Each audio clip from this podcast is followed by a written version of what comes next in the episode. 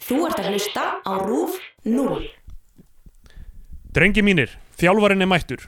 Komið og fáið ykkur tertusneið. Þú ert að eiðilegja leikin. Ég neyðist til þess að kæra þig fyrir knartspinnisambandinu. Ég hef nú slögt í stærri stubbum en þér, góði. Þú færð áminningu, þú verður rekin. Þetta er Íslandsmeistaram á drengja og þú kemur drukkin og eiðilegur leikin.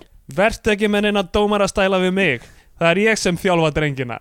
Og þetta kemur þér ekkert við. Þetta varðar við lög. Í Bíó 2 dagsins tökum við fyrir kvikmynd Fredrik Þórs frá 1994 Bíódaga.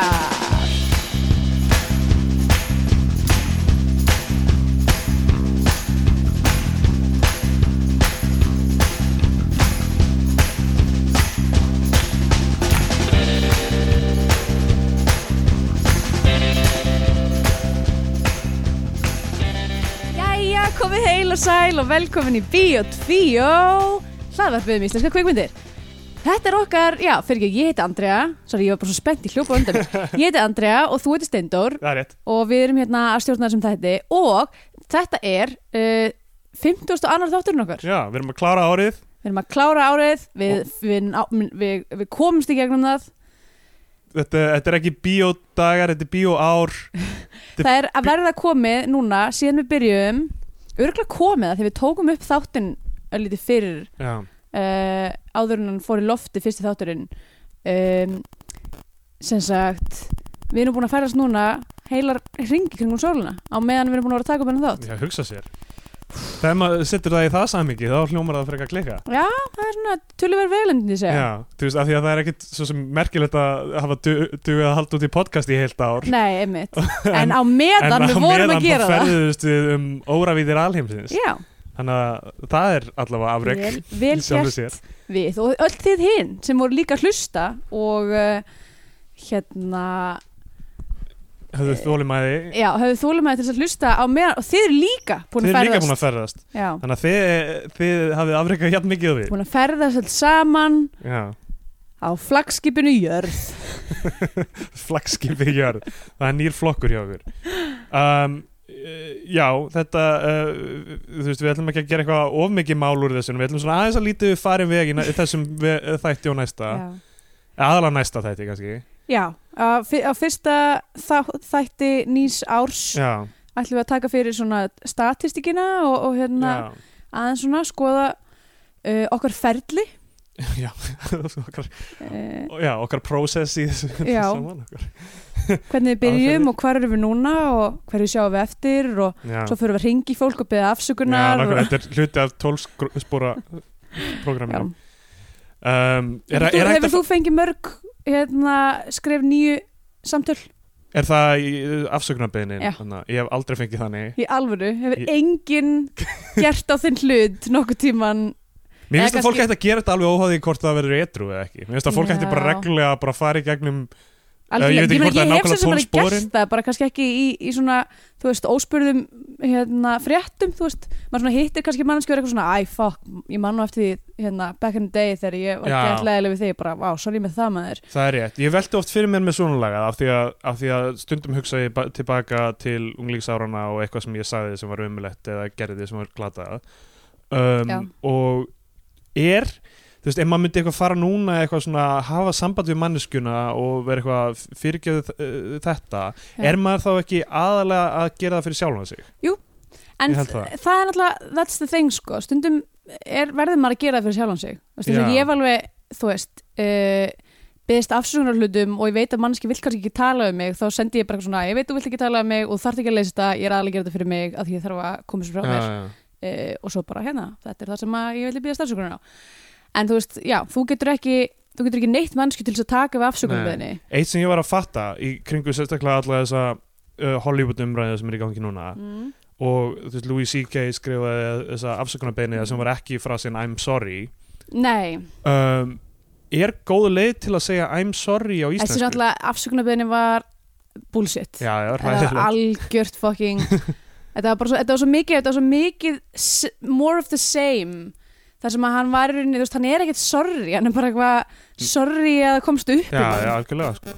en já, það, það sem ég er að segja er þú veist, er ok, það er rosalæti í, í hljóðkortinu núna en, ok, er, hérna, er eitthvað leið til að segja I'm sorry á íslensku er eitthvað orðið við það Af því að Eh, fyrirgefðu og afsakaðu er að setja ábyrðin á viðmælandan já, Fyrirgefðu mér, þú mér veist þykir það leitt Já, mér þykir það leitt eða mér þykir fyrir þessu já, En það hljómar samt eins og það hafi ekki verið þín sök já einmitt Mér, mér þykir það leitt að þetta hafi en gerst I'm Er- sorry þannig sé teknilega sem þýðir heldur ekki þú veist, það þýðir sama og mér þykir það leitt sorry, að vera sorry er samt þú veist, er svona bara ég er ég er, ég er glataður eiginlega eða, þú veist, Að ég er, Að ég er ver- eiginlega sár eða þú veist, ég er eitthvað svona, þú veist, ég sé á mér eða- já, ég, ég sé á mér er kannski, eða þú veist ég sé villu míns vegar já, einhvern veginn. einmitt ég sé villu míns vegar já, það er, þú veist, en á Í- Íslandi er þetta, þú veist, maður segir fyrirgeðu sem er bara, Já, heyrðu, sem er þú bara verður að- blóðfátur. já, þú verður að fyrirgefa mér já, einmitt. Nú bara drífðu þig í því,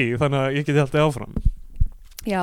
en hérna, segir það eitthvað um okkar þjóð ég- kannski sem að við vil, erum kannski ekki tilbúin til þess að horfast í augu við já, fyrirgefning fyrirgefning og uh, líka það að byggjast fyrirgefningar en fá hann ekki já, eru hlutir sem eh, einhverjir einhverjir ætti að díla við í íslenskri list sem er auðvitað gert mjög það er mikið. ekki búin að gera það um, við, við höfum slatt að tala um og síðan stóra mynd til að tala um þannig að í já, fyrsta lagi um, þá er ég að fara að fá mér fasta að fæðu á eftir nei, já ég veit ekki hvernig ég held þú væri að fara að segja tattu en uh, fasta fæðu, alltaf leið, herði já, við þurfum að, ta við þurfum að taka smá útökt á þessu já þetta er búið að vera heilvika af hjúel núna já, fyrir og þá sem hlustuðu ekki á sporlaustáttin í síðustu viku þá, Mhm. þá lísti ég yfir ég ætlaði ekki að borða fasta fæðu í heila viku og ætlaði að innbyrða alla mína kaloríur með hjúel matarduftinu sem Mhm. við höfum talað um nokkru sinnum Já. sem er svona alveg gert úr höfrum og fræjum og einhverju já, og, og, og svo alls konar vítamín Mm, já, og það er allt niður mulið og hérna, Já. maður getur gert, ég er búin að vera að því ég ég skil ekki akkur við erum ekki að fá borga fyrir þetta að því að ég get ekki hægt að tala um þessa, þessa fucking vöru en allavega hana ég ég er sérst með hjúil á Facebook og þeir eru alltaf svona posta ykkur með uppskriftum maður getur notað þetta í pizzabotna og gert eitthvað svona satæg þú veist, Já, já. hérna svona eh, crumb coating og bara eitthvað alls konar shit sem maður getur gert með þessu sko já, en þú varst bara föðuduft já ég, ég er búin að drekka að mér telst til svona 30 brúsa þessu síðustu viku Oh. og Jésús um, niðurstaðan um, í- við erum að fara í hana í nokkrum flokkum Líðir mennskum já, mér, að, já, eða jafnvel, já, mér líður menns, Eða sa- mennsku san... sanna þetta fyrir þér og væri meira mennskur eða meira vélmenni það, að, þú veist, já, ok saknaður þess að gera mennskar hluti eins það og að sem, það sem borða málið er, er að það eru engar eiginlega svona sveiflur ok, Mm. það var smá aðlöfunartími, þú veist, kannski fyrstu dagarnir, það sem líka með var bara eitthvað, "Ó, ok, þú ert ekki að ó fara að ok, við erum að gera þetta Við erum núna að gera allt í lagi, takk fyrir- uh, takk fyrir ekkert já, það sem ég er bara að drekka brúsa eftir brúsa af þessu til þess að ná upp í kalóri máttur eðlilegan þú kaloríufjölda. draka kaffi já, það er engar kalóriur í kaffi og te þannig að ég var að, þú veist, ok, drekka það þannig að þú varst að allavega ekki líka í einhverjum koffin frá hverjum á Nei, sama nei, tíma það er mikið. En ég náttúrulega drakk ekkert áfengi eða eitthvað þannig nei, um, Og þú veist, það er nefnilega máli af Því ég hef gert það áður að þú veist, sleppa áfengi í mánuð eða eitthvað þannig mhm, uh, Og núna er ég að sleppa líka mat já Ég einmitt. með að þú veist, fastri fæðu að vera spenntur fyrir næstu máltíð og eitthvað þannig já, Og það eins og ég er sagði við um daginn bara eitthvað, það er svona 40% af bara mínum lífsvilja er að plana næstu máltíð þannig að ég Já. gæti ekki gert þetta Það er nefnilega máli, ég held að til þess að, þú veist, þetta er búið að vera mjög leiðileg vika Þetta er búið að leiðast mjög mikið já, og ég held að ég þyrfti að vera að lifa miklu meira spennandi og skemmtilegu lífi ef ég ætti að taka Mhm. út mat sem faktor Já. ég þyrfti að vera, þú veist, ég veit ekki að stunda orgjur eða eitthvað Þú Já, veist, það þyrfti gamla að vera með eitthvað- stórar upphæðra peningum klífa fjöll Er ekki þess að því, fyrst, fyrst skipti sem ég heyrði um Soylent sem- sem er eins og hjúul nema bara ba- í bandaríkjunum að þá var eina fólki sem var eitthvað að mæra þetta voru eitthvað svona tech svona- bros tech bros, bara ógslum mikið tech bros sem okkur svona og þú veist svona svona venture capital og hérna svona, svoleiðis allir típur að svona hakka einhvern veginn mannslíkama Já, sem eru með þetta eitthvað hacking my body eitthvað, hérna, en eru líka kannski, þú veist, já, tikka fyrir kannski svolítið aðra hluti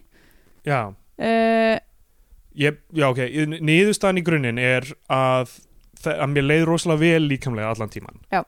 þú veist þetta, það var bara algjörlega balanser það var aldrei, mér var aldrei illt í maganum mér var aldrei, þú veist, það var aldrei eitthvað svona sem gerist yfir daginn eitthvað að ma- þú veist, og þetta er náttúrulega vegan líka þannig að það var svona eitthvað, ó ég var vegan í viku það, það var hægt já, þannig að það, það sem, einmitt. eitthvað sem ég hef ekki Þannig að ef þú myndir vera vegan myndir þú bara vera Jú, Já, bara að drekka duft Ég er vegan og síðan bara eitthvað þampa eitthvað shake alltaf daga eins og eitthvað brjála einhver um, Þú veist að það sem gerist náttúrulega þegar maður breytir um- algjörlega um mataræði er að þú veist eitthvað svona þarmaflóran er er eitthvað svona ó, eitthvað þarf eitthvað að díla við það já, og það tala um það á- á heimasínu þeirra ef maður skiptir algjörlega yfir í þetta já, þá bara gera það hægt og rólega af því að þú veist, já, já, þarmaflóran þarf að adjusta sko. já. þannig að ég var að prumpa frekar illa Ok, þannig að við erum bara núna að tala um þarmaflórunar stindur uh, Við erum Sorry. búin að vera að gera þetta í ár og þetta er komið að þennan stað ég er búin að opna mér svona mikið Já, um, en niðurstaðan er að ég ætla aldrei að gera þetta aftur þetta var mjög leðilegt já. og ég var eiginlega bara að gera þetta þannig að þú veist af því að ég þyrfti að tala með það í næsta þætti og ég myndi ekki vilja þú veist segjast hafa klikkað á þessu Já, já, einmitt Ok uh, en já bara En leið það vel sem og ég vil koma stað er hvo- hvort þú fórst undir, hvað var það, já við vorum að tala um þingdina já. hvað var það ég var 84,5 kílóm held ég með daginn daginn á þannig ég byrjaði þessu Já. og ég var að drekka eitthvað, eitthvað á bílinu svona 1800 til 2500 kaloríur uh, eftir því hvort ég fór í ræktina Já, eitthvað. ok, um, og við töluðum um hvort ég, hefði farið, hvort ég myndi missa Farið 3 kíló Já. fara undir 81,5 var það Hva- Nei, 82 Og s- ok, endur, ok, við, Já ég, ok hva- hvað heldur að það gerst? Ég eh, veit það ekki Ég Nei, get ekki, ég get ekki mælt neitt út einmitt sko horfandi á þau en samt er En ég þú ert líka- nakin hérna og að klípa mig svona í magan með svona fytu töng og þú sér það ekki Eh. ok, ég var 84,5 Já, núna ertu 87 kíl Já.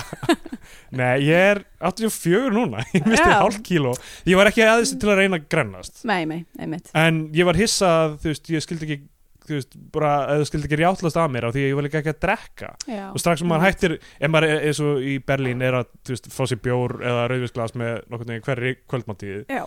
af því að það er verið að borga manni það er eiginlega verið að borga manni fyrir að drekka áfengi Hver er Það er að svo borga þér? það er svo ódýrt Já, það er svo ódýrt en það er enginn að borga þér samt Já, það er einhver gaur sem er alltaf Trektu annan, ég skal Hvað er hann? Ég, þessi, þessi er á mér, þessi er á mér Já. Far, Um, Farðu bólnum Klíftu þið með þessar tök uh, Já, en já, ég, að þegar maður hætti að drekka áfengi það yfirleitt svona fer svona einhver, eitthvað vaskvap Já, Að- ég- þannig að alltaf, alltaf því ég hef gert það þá hef ég bara grænst um nokkuð kíló bara instantlína Já. en, en það, það, gerist var ekki ekkert slíkt Jæja, þetta er nú búið að vera mikil lífsinsla og, og skemmtilegt og rosa áhvert að tala fyrir, um fyrir okkur öll Já.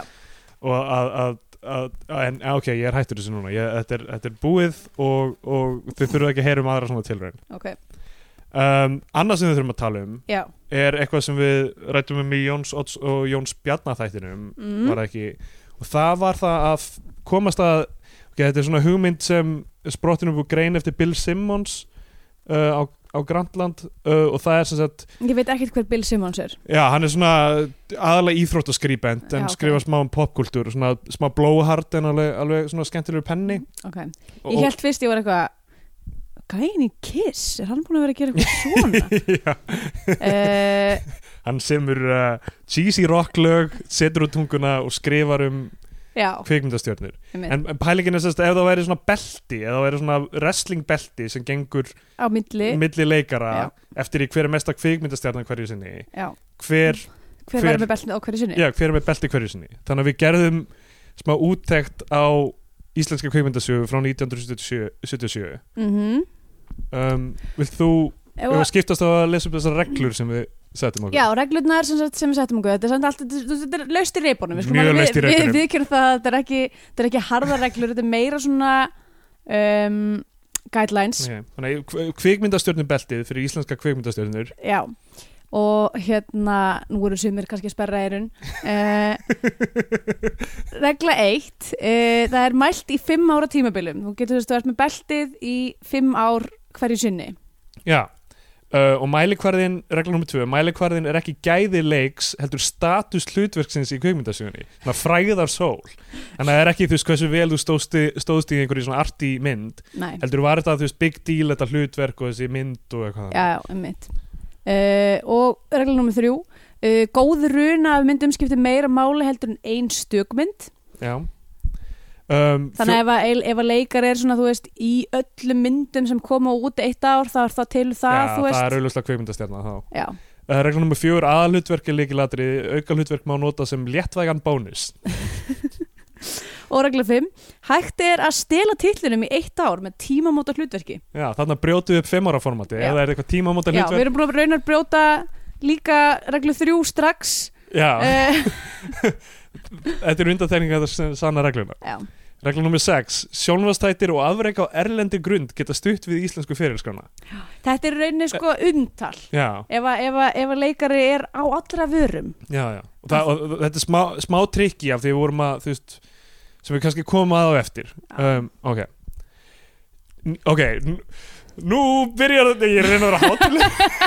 nú byrjar þetta, Kann- kann- 1977. kann það- Kann það gera svona, hérna, Don Pardo er það sem sagt svona, já. It's Saturday Night Live ekki sko það, heldur meira svona eins og gæinn sem er í, í ringnum, inn í ringnum og er eitthvað, Já. þú veist, í Le já, Ladies and gentlemen Það er eiginlega sama rödd já, semi, mér finnst það eins og Are hún sé you ready to rumble? Ó, já, einmitt Já, já. herru, já, 1977 til 1981 Það er Eh, u- ekki um auðvugan garða grésja Það er fáar íslenska kveikmyndir kom- sem koma út já, Flestar þeirra höfum við ekki séð eða um. hirtum já, einmitt Ok, ég var að lesa tilnefningarnar já, Lestu þær bara það er Helgi Skúlason og sem leik í blöður, blóð, blóðurreitt sólarlag Rafgjörnlefsson mynd Já, ok, okay.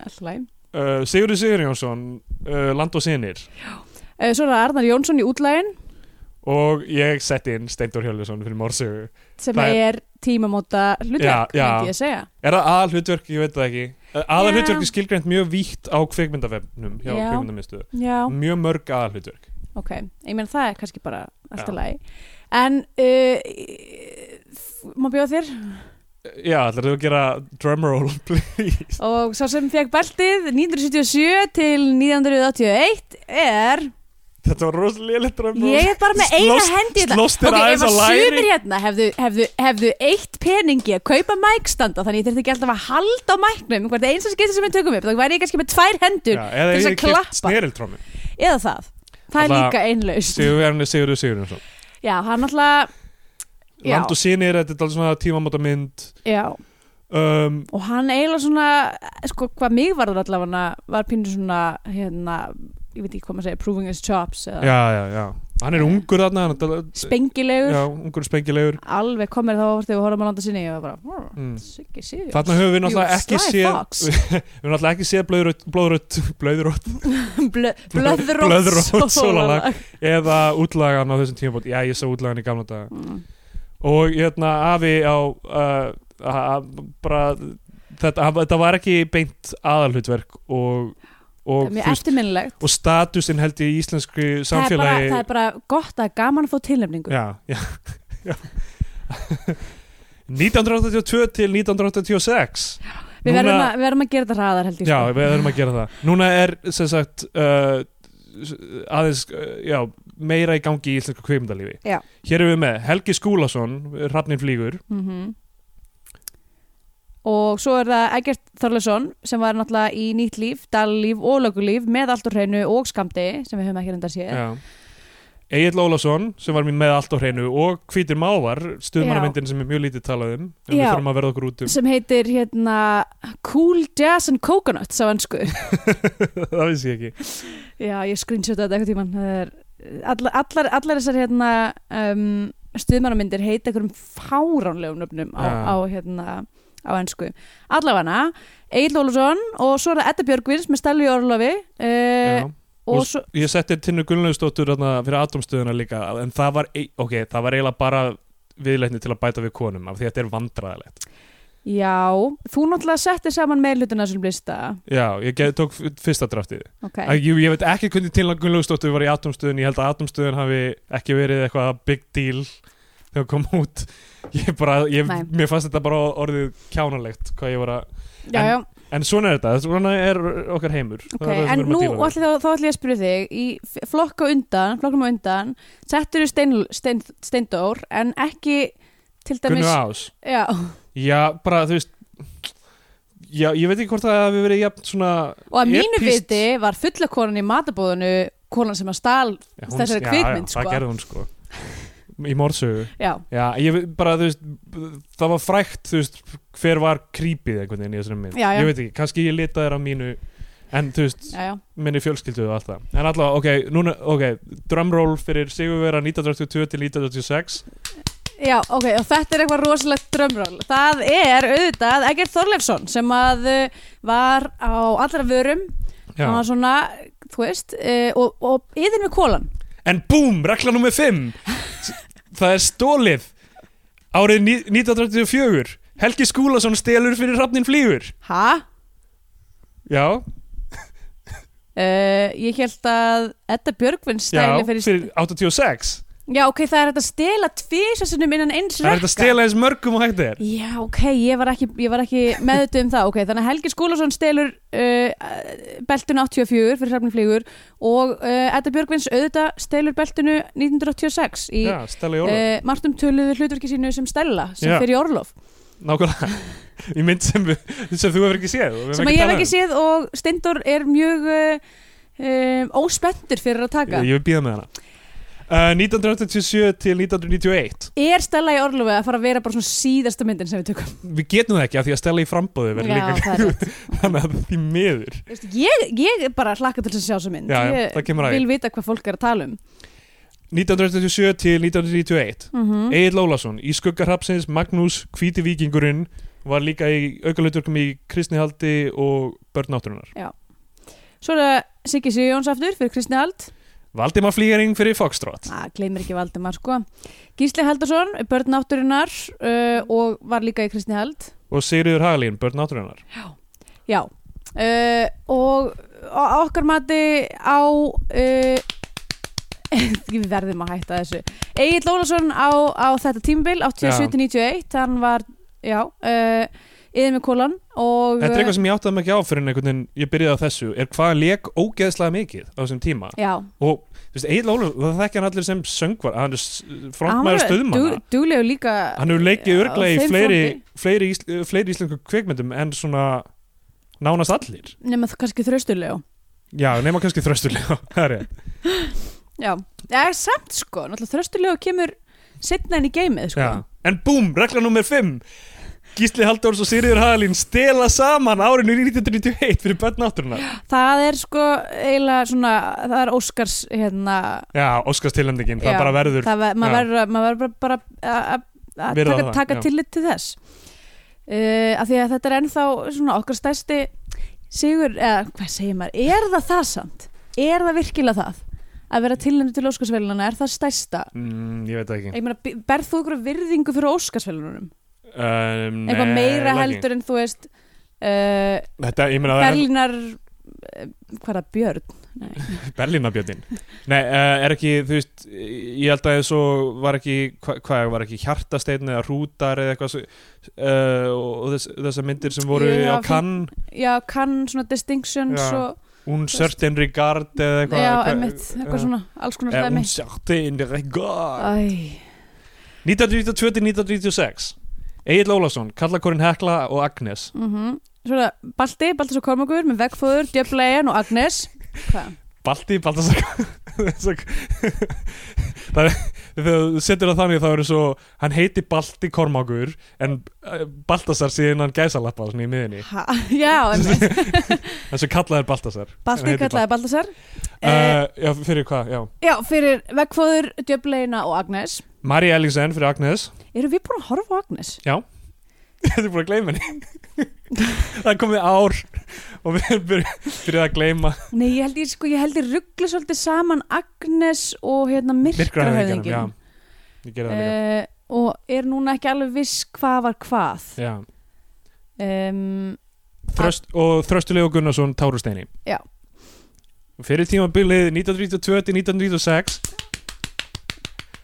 sko við ekki hæ, hættu þessu að slá mér á læri já, hættu að sláðarlæri við þurfum ekki drömlón, það er, veistu hvað er mikið af, af tilöfningum sem við mættum að fara yfir okay, við erum komin í 96 ok, og þetta, þetta, þetta texti okkur ok, Og sigurverðan fyrir 92-96 er Baltasar Kormákur Ok Já, þetta er ágætis ról hjá honum þarna Vegfóður, Djöblegan og Agnes Mhm. Þetta er svona hann að koma inn í Já, og svolítið svona, og náttúrulega það sem að kemur beint á eftir þessu er í rauninni hann, hann svona, Eh. fyrir í leikstjórna já, emið, uh, þetta eru hans, hans hérna, þannig að slíta af sér uh, Batskóna barnaskona, já, eh, s- En búm, regla nummer 5 Þröstileg og Gunnarsson stelur árið 1925 fyrir Táru fyrir Steini Táru Steini, af því sem að- er svona tölvöld prestíts hlutverk já, hún vann ekki neitt samt, Nei, ég veit ekki, ég, við horfðum á hana Ég, ég skil mér ekki fannst, hún, alveg mér fannst hún feit sko, að Já, allavega. og svona meiri vikt í henni en flestum öðrum íslenskum kveimlingum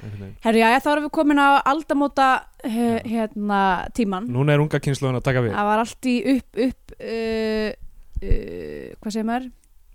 upplaust Upplaust. En ég myndi Ah, þarna- segja veikt tímabil uh, svona yfir að heila í íslensku kveimlingagerð Já, 97 til 2001 að þannig erum við með nokkrar stórmyndir en svo bara allt annað til að fylla út pakkan er samt, ég menna bæði 100 Reykjavík og Englar Alemsins eru, þú veist, mörgum finnst það að vera Já, ég er að segja, þetta eru, þú veist, tvær, þr- eh, til, já, tvær þrjár stórmyndir kannski, þú veist, um að, við veitum ekki um hvað maður segir um mávalhátur og ungfrúin góð og húsið, Já, uh, en, þú veist, jú, tvær mjög eftirlulega myndir, en allt annað þarna er, þú veist, þú veist, þannig er eitthvað, já, einmitt sporlaust og villiljós og mhm, myrkrahöfðingin, jú, jú, jú ok, Já, Hilmir Snær Guðnason, 101 Reykjavík, myrkrahöfðinginn, var líka í Englum Alheimsins og Mávalátri. yes, og svo er það Yngvar E Hann kemur hérna, þetta er fyrsta, fyrsta tilhörningin hans, eða Já, ekki? og Helmis. Hann kemur í Englar Alemsins og Sporlaust og Villiljós Margrét Viljónsdóttir fyrir Mávalátur, Mér finnst þess að, er Magga Viljáns, er þetta eina myndin sem hún er í á þessu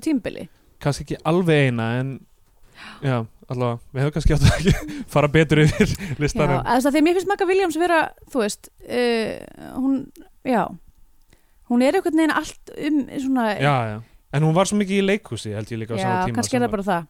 Og svo Ragnhildur Gísladóttir fyrir Ungfrún góða á húsið. Já, Og uh, á þessu tímbili, æ, Uh, hei, ég er ekki vissum að þetta muni heyrast sko í upptöku er Hilmir Snær, hann tekur þetta tímbil já, fyrir uh, sinn leik í 100 Reykjavík og Myrkrahöðingjanum og Englum Aðleimsins og Máflótri já.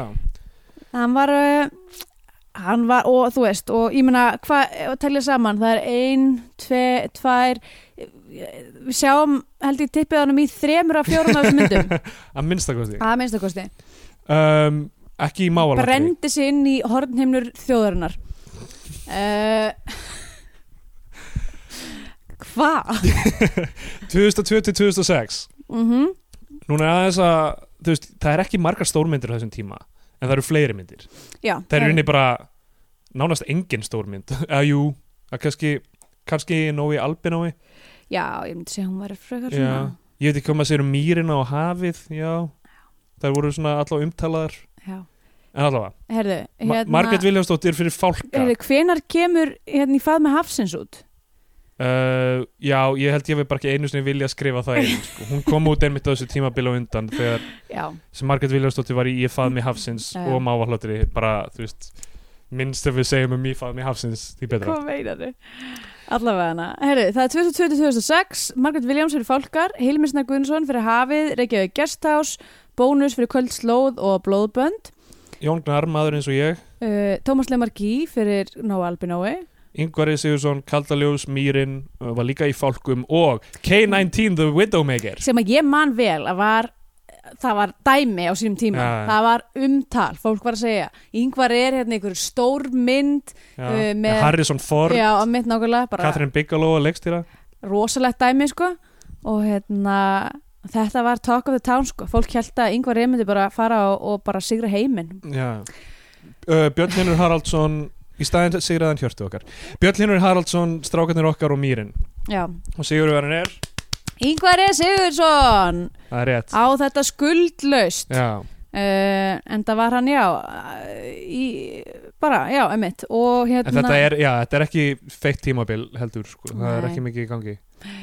en við svo sem ekki búin að horfa á mikið ö, allt það sko, við hefum eftir að horfa á blóðbönd og kvöldsslóð og fálkar það, og, Ég meina, ég held að blóðbönd og kold slóð er ekki myndir sem, þú veist að fólk þarf að revja upp hvaða myndir það eru þegar að tala um það í dag já, já, Ég held að það sé ekki svona eitthvað sem já Uh, hérna, við erum að komast upp í, uh, til dagsins í dag og við erum ekki að fokka upp tímanum okkar ennþá já, já 2007 til 2011 Já. Hilmir Snær Guðnason, Veðramót, Brúðguminn, Mamma Gógó og hann var líka í okkar eigin Oslo Er það auka hlutur? Já, já, já, ég held að sé okkar Ok. okay. Og svo er það yngvar E aftur, foreldrar, Reykjavík Gróttudam, Brim og Borgríki. Baltasar Kormagur, Reykjavík Róttidam Pétur Jóhann Sigfússon með stóra plani og Bjart Freðarsson. Jón Gnar fyrir Bjartfriðarsson og já, Vaktasýrjurnar, það er Vaktasýrjurnar Já. náttúrulega tikkin líka hjá Pétri Já, við náttúrulega sko eiginlega, eh, náttúrulega meir hlutin af þessum lista, hvers ekki halda ég til haga, er í rauninni bara kvikmyndir af því það hefur ekki, þú veist, það var, þáttagerða í Íslandi var ekkert sem hét í rauninni. Já, uh, en núna er náttúrulega þú veist, ég veit ekki hvort það sé komið eitthvað nafni yfir þetta uh, þáttaserju Renaissance sem að er að gera stundum alltaf heim Peak og, TV já, emitt, en það er sem sagt verið að leggja meira í þáttagerð og, og sumir þættir kannski tikka me meira innheldur en bíómyndir já. og fá meira umtal og eru svona meira brautriðendur eins og þú veist vaktaserjan og náttúrulega fórspraður þar á undan og svona sem að þú veist eiga kannski miklu meira í þ- grínþróun, íslenskur grínþróun heldur en einhverjar þú veist stakar bíómyndir Já. Eh, Fastir liðin eins og venjulega hefðu kannski átt að tikkin hjá Arnar Jónssoni þannig eitt í sinu en, og svo náttúrulega settum við ekki inn hérna uh, sigla heiminn fleiri Já, já, já, sigla heimifleg já. En, sko, s- já, Steinun Ólína var svona aðal í því hún var ekki? nefnilega hot shit sko Já, en hún var ekki nóg mikið í kvikmynd nei Það er, konunar eru kannski aðeins meira í leikúsa heiminu. já, já. En Eh. þannig er mitt Krispjörg Kjeld fyrir Mamma Gógó Emmett uh, og Ólafur Darri Ólafsson fyrir Rókland, Kongaveg, Brim og Theodor Júliusson fyrir Eldfjall og Yngvar E. heldur titlinu. Já, tíu ára Tíu ára tímbil hjá Tímabil, Yngvar E. já. Hann var aldeilis í, hérna, já, duglegur á þessum tíma og, og hérna bara hvert hlut, sko ok, þú settir hérna foreldrar, hvar er börn? Hann er ekki börn, hann Ó. framleiði börn Á, ok. Já, þetta er svona líka, þetta er þetta vestuportæmi sko. Já, Vesturport er náttúrulega hot Þetta- shit á já, þessum tíma einmitt. Það var allir eitthvað- hangandi úr einhverjum vírum Það er eitthvað fimm, eitthvað, að þau eru með bumbur en þau eru að gera fimmleika uh, sem að var honestly fyrst þegar Vesturbort var að gera eitthvað hluti þá var það, var bara, það var selling pointið sem að allavega kom, það sem ég mann sko Ég er með bumbur Já, eða, þú veist eitthvað svona, það var eitthvað svona dæmi í kastljósinu, það sem var eitthvað svona þau eru bara venjulegi leikarar en núna eru þau í fimmleikum einhvern veginn og svo var eitthvað svona sínt, eitthvað svona þau eitthvað að æfa fyrir, þú veist hvort það var void check eða já, eitthvað líka já. svo líka eitthvað svona, já, Nick Cave var Já, eitthvað Nick svona Cave var í nýjus það, það Já. var mjög mikið prestíðstæmi að hafa Nick Einmitt, Cave þetta var eitthvað svona, að þau eru að Já. brjóta upp leikuseimin með Já. nýju fesku og svo farið þetta í kvikmyndagerð og þau eru svo klikkuð þessi vestuportópu það var svolítið þannig sko já, já. En þau voru alltaf frekar slank samt, eða ekki? nei, samt ekki eða það var alveg, ég meina, er ekki Ólafur þar í vestuport? Ég, ég veit ekki Víkingur Kristjánsson er nú hann, er- Já, ég hann meina, er en alveg allavega, í það holdum. var, ég man svo vel eftir þessu, það var eitthvað svona kastljós innslag Já. það sem að var basically verið bara eitthvað að vera eitthvað og þú ert nú bara að fara hérna í heljastök og samt að þú feitur Eitthvað. var í Ah, alveg Hvað segir um það? svona, eru þau ekki trött við að fara bara, hvað er Hvað að gera hvað er vírin slittar og þú hrýnur niður í gólfið og allt skvapið þitt bara slæst framan í þig og rótar þig ok, Hvað ég er það? gæti verið kannski að ég að, þú veist, að muna þetta eitthvað skakt, en ég man á þessum tíma var ég bara, er fólk gengið að við, bara þú veist, hva, hvers konar fréttaflutningur er þetta Hvað ma- má, þú veist þú veist, bara, já, þú eru fullorðni leikarar þau mega samt alveg verið í fimmleikum Já. eða vilja, skilur já, nákvæmlega líkamsvirðing fyrir alltaf þetta unga fitt fólk fyrir utan einn eða tvo sem eru aðeins í holdum já, já. alla Eh. En síðasta kanns, tímabili kannski var það frekar það að þau voru, þú veist, þetta var alltaf eitthvað svona leikarar og þau eitthvað já, já, þetta svona var ekki dansarar physicality, já. já, með eitthvað já, því að leik, það sem leikarar voru að gera í leikhúsi og sleggjudómur var aðalega bara að standa, standa og tala Tala mjög með, hátt. ha- já, t- tala með maganum og, og, all, og, og kalla hvert annað skækju það er í öllum leikritum Er það? Which skækja!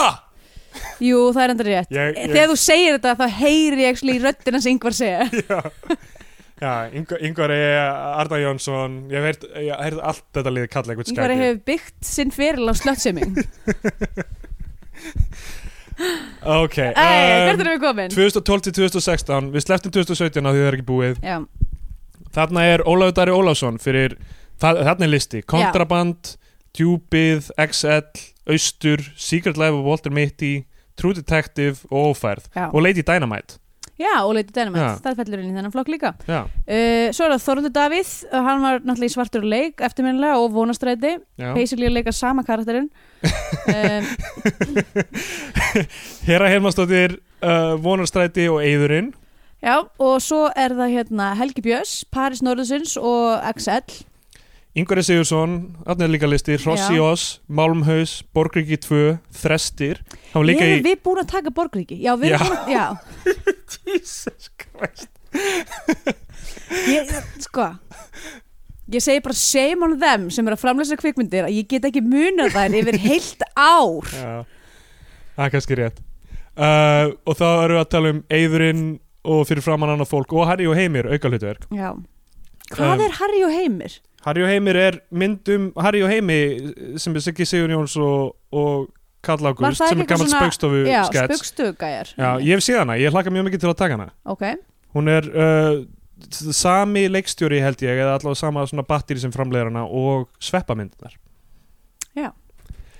Uh, þetta er s- góður listi hjá einhverji mun hann verja titilsinn í 15 ár samfleitt já og svo er já Siggi Sigjóns, hann er með Afinn Harry og Heimir, Borgríki 2, Hrútar Já, þetta er ágætis listi Já. líka og svo er Baltasar Balti, Baltasar Kormakur með Eyðin uh, Gun og, Gunnar Jónsson, Fúsi hann var líka í hjartasteinn, hrútar og lífsleikni gils já, emmitt, alveg rétt já. uh, þetta er uh, innvalalið hérna, hvað erum Já. við með einhverja átta Nú, ok, nú ætlum leikara ég samt að spyrja til Nú að er velja úr. Jóhannes haukur ekki hérna Hann var samt líka í svartur á leik já, og- herðu, já, ok hann, hann, hann, og- hann hægt að bæta hann við og hérna einhverjum, einhverjum útlensku dæmi já, Hann er búin að vera eitthvað í útlendum já, það er Game rétt of Thrones en svo er þú veist, eins og Heiðarún líka, hún var náttúrulega ekki í- hún er í Poldark, Já. en hún er eiginlega ekki neitt í Einmitt. íslenski mynd á Hún þessum myndi tímabil. eiginlega held ég detta sko inn í næsta flokk af því að hún er alltaf núna að fara líka í stellu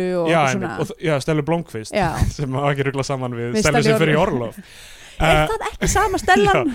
hvað ef það eru í sama svona universe já, emmitt um, en við hoppum náttúrulega líka yfir Björk Dansir en það dar Já, það er rétt og svo erum við með ta- að- náttúrulega Tár Gísla Örd Garðarsson í Prins of Persia og einhverju dóti já. og Anita Bream í Já, Journey to the einmitt. Center of the World Sko, mér er stóðið skrítið Akkur hefur Anda Brím ekki verið í neinum, neinum íslenskum kvikmyndum ég veit ekki, en við komum að um, setna í þættinu þá komum við að einni íslenski leikonu sem hefur verið í elendumyndum sem er ekki að tala mikið um í Já, bíódögum. einmitt, já, alveg rétt um, og já, þannig að þú veist, jú, Jú- Jóhannes Haukur gæti verið þarna, ég bara, þú veist, var svo mikið að fókusa á, þú veist, uh, eitthvað svona þetta er aðalhutverki, en jú, setja hann inn fyrir svartur á leik Mm. með, hvað var hann í lífsengu gils líka eða eitthvað, Já, er það ekki Er Hann það var í eitthvað, einhverju er það sem- eitthvað sem maður vill vera að minnast á hann var, svona- hann var í einhverju sveppamynd líka Er sko náttúrulega gils tæknilega sem getur verið hann inni líka sko. Oh, boy, herðu, gils ætt- við setjum, Gi- ok, Jóhannes Haukur fyrir inn gils fyrir líkin, þetta er tíu manna fíld sem við erum að velja úr hérna, Mikið gils en ekkert fyrir inn,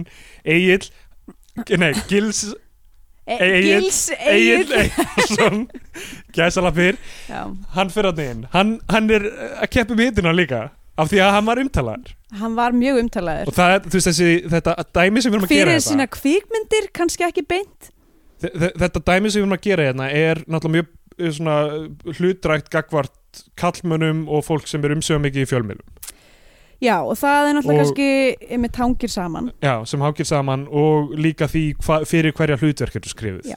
einmitt. en fyrir 2012-2016 við erum að með, með alls konar fólk Já. að keppa um það Kennir ímsa grasa já, þannig að Herðu, það er Ólafur Dari Ólaður Dari tekur síðasta tímabilið En, búm, regla 5 Sigurður Sigurjónsson sem vann fyrsta 5 ára tímabilið snýr aftur og hann stelur 2015 fyrir hrúta Já, flott uh, Þetta hefur verið æsispennandi Þetta, við munum aldrei gera neitt þessu líkt aftur Nei. Bíódagar Já, herri, snúm okkur að bíó, við völdum bíódaga sem er alltof umsöga mikil mynd til að tala um í þætti það sem við ætlum að gera alltof margt annað Já, líka já, einmitt Uh, Bíódagar, ok, þetta er mynd Friðriks Þórs frá 1994 um, Einar Már Guðmundsson skrifar handritið Hilmar Örd gerir tónlist Þetta er kunnu, kunnulegt mynstur Já, einmitt um, Við opnum á uh, bankastrætinu Já, Sólon heitir Málarinn hæ? Já, sem þetta er Málarinn Já, Sólon, á Sólon, Já. já, já, já, einmitt Sólon heitir Málarinn Var málarinn bar? Uh, já, það er svona kaffihús eitthvað. Já, ok. Uh, já. Skrítið nafn, málarinn. Þetta er hús málarins eftir, hérna, hvað er hann, Sigurður Málari. Já, einmitt. Ég held að það sé eitthvað tengt því. Já, Gamla bíó, það er allir að fara inn í gamla bíó. já. Því að það eru bíódagar. Fólk er svo spennt fyrir bíói. Er eru það sagði þess að engin bíódagar í myndinni? Nefna bubbi.